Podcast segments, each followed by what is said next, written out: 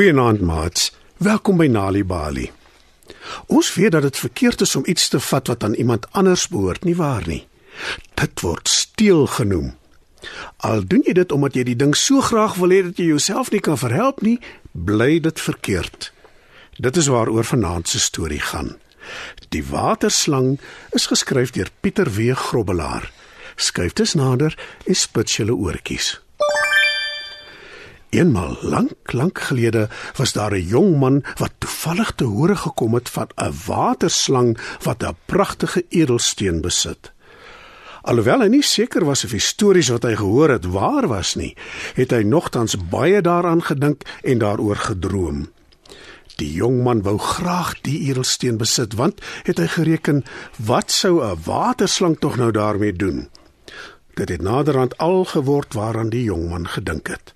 En toe op 'n dag gewaar hy die slang met die beeldskone edelsteen op haar kop. Ek moet dood eenvoudig die steen besit. Sê die jong man daarna elke dag vir homself terwyl hy by die fontein wegkruip waar die waterslang bly. Hy wag elke dag totdat hy die slang sien verbyseil. Haar vel is blink en glad, haar oë is helder en die steen skitter op haar kop. Die jongman moet sy oë effens toeknyp, so helder is die glans. Hy is bang dit verblind hom as hy reguit daarna kyk. Hy wonder elke dag waarheen die slang met die steen op haar kop seil. En toe op 'n dag besluit die jongman om die waterslang op 'n afstand te volg. Hy sien hoe sy tussen 'n klomp riete in die vlak water van 'n rivier daar naby verdwyn en haar steen daar versteek. Toe swem sy in die rivier in en baljaar voordat sy weer haar steen tussen die riete uithaal. Die volgende dag staan 'n jong man baie vroeg op. Hy bedek homself met gras en takkies met die hoop dat die waterslang hom nie sal gewaar nie. Hy volg die waterslang en toe sy haar steen versteek en in die rivier inswem, gooi hy sy mantel oor haar steen sodat dit hom nie verblind nie. Hy gryp dit en verdwyn vinnig daarmee. Toe hy seker is die slang kan hom nie sien nie, steek hy die steen toegedraai in sy mantel onder 'n rots weg. En toe begin daar vreemde dinge met hom gebeur. Mense wat hom vroeër nie raak gesien het nie en hulle nie aan hom gesteer het nie, wil skielik sy vriende wees. Hulle bring vir hom geskenke. Die jong man is baie gelukkig. Maar wanneer die wind uit die rigting van die rivier waai, hoor hy die waterslang huil. Hy gaan terug na die fontein toe waar sy bly en hy hou haar dop toe sy verbyseil sonder haar steen op haar kop. Hy sien dat haar vel nie meer blink en glad is nie en haar oë nie meer helder gloei nie en sy lyk baie baie hartseer. Die waterslang wil haar steen terug hê, maar sy weet nie hoe sy dit gaan regkry nie. Sy besluit sy het hulp nodig en seil op en af op soek na iemand om te vra. Die eerste dier wat sy teekom is krokodil. Weet jy wie my steen gesteel het? Vra sy vir krokodil. Het iemand of iets in die riete sien beweeg, maar ek kan ongelukkig nie met sekerheid sê nie, antwoord krokodil. Die volgende dag, toe jakkals kom water drink by die rivier, vra die waterslang vir haar: Het jy dalk gesien hoe iemand my steen tussen die riete steel? Nee, ek het nie, maar ek het voetspore gesien.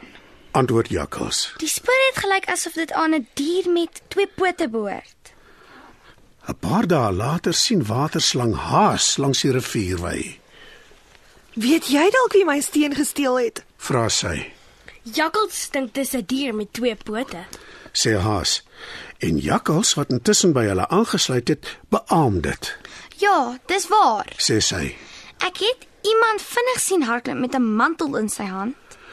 En toe weet die waterslang dis nie 'n dier wat haar steen gesteel het nie, maar 'n mens.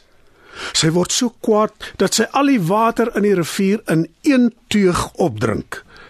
Sy seil met haar swaar lyf oor die veld en al die water van die rivier klink soos donder weer in haar maag.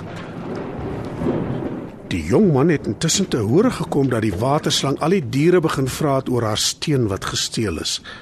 Hy word baie bang en vat dit terug na die riete toe waar hy dit gekry het. Maar die waterslang, wat nie weet haar steen is terug nie, ondervra steeds al wat te duur is.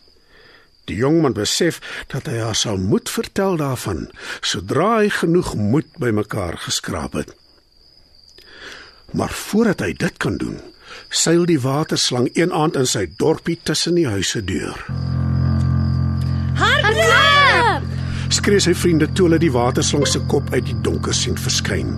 Weerligstrale blits uit haar oë, Nee, sê hy. ek moet haar help. Ek is op soek na my steen. Sis waterslang, Een van julle het dit gevat.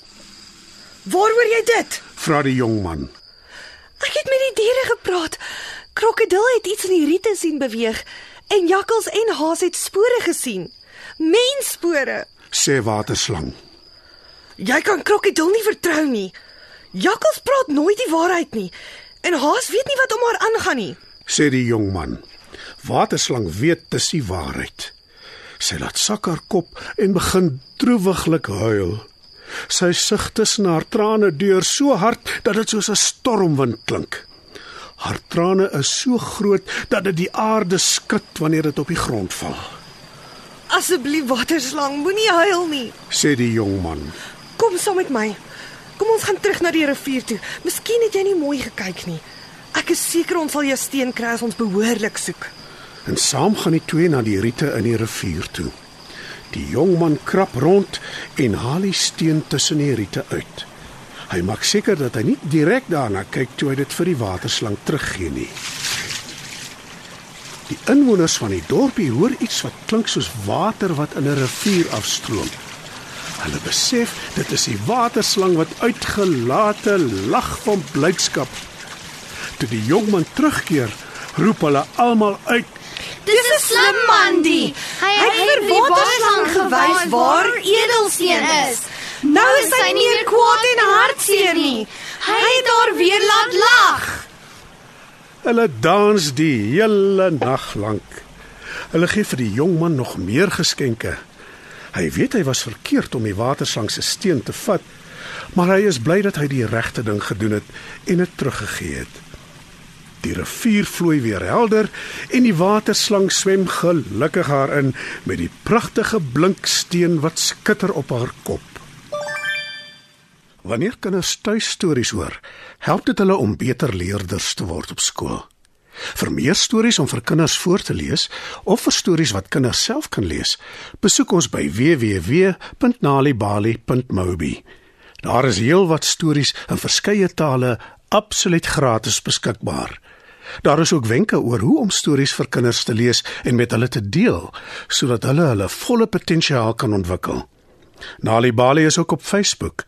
En daar is Nalibali stories en aktiwiteite in bylaas van koerante. Story Power. Bring dit huis toe.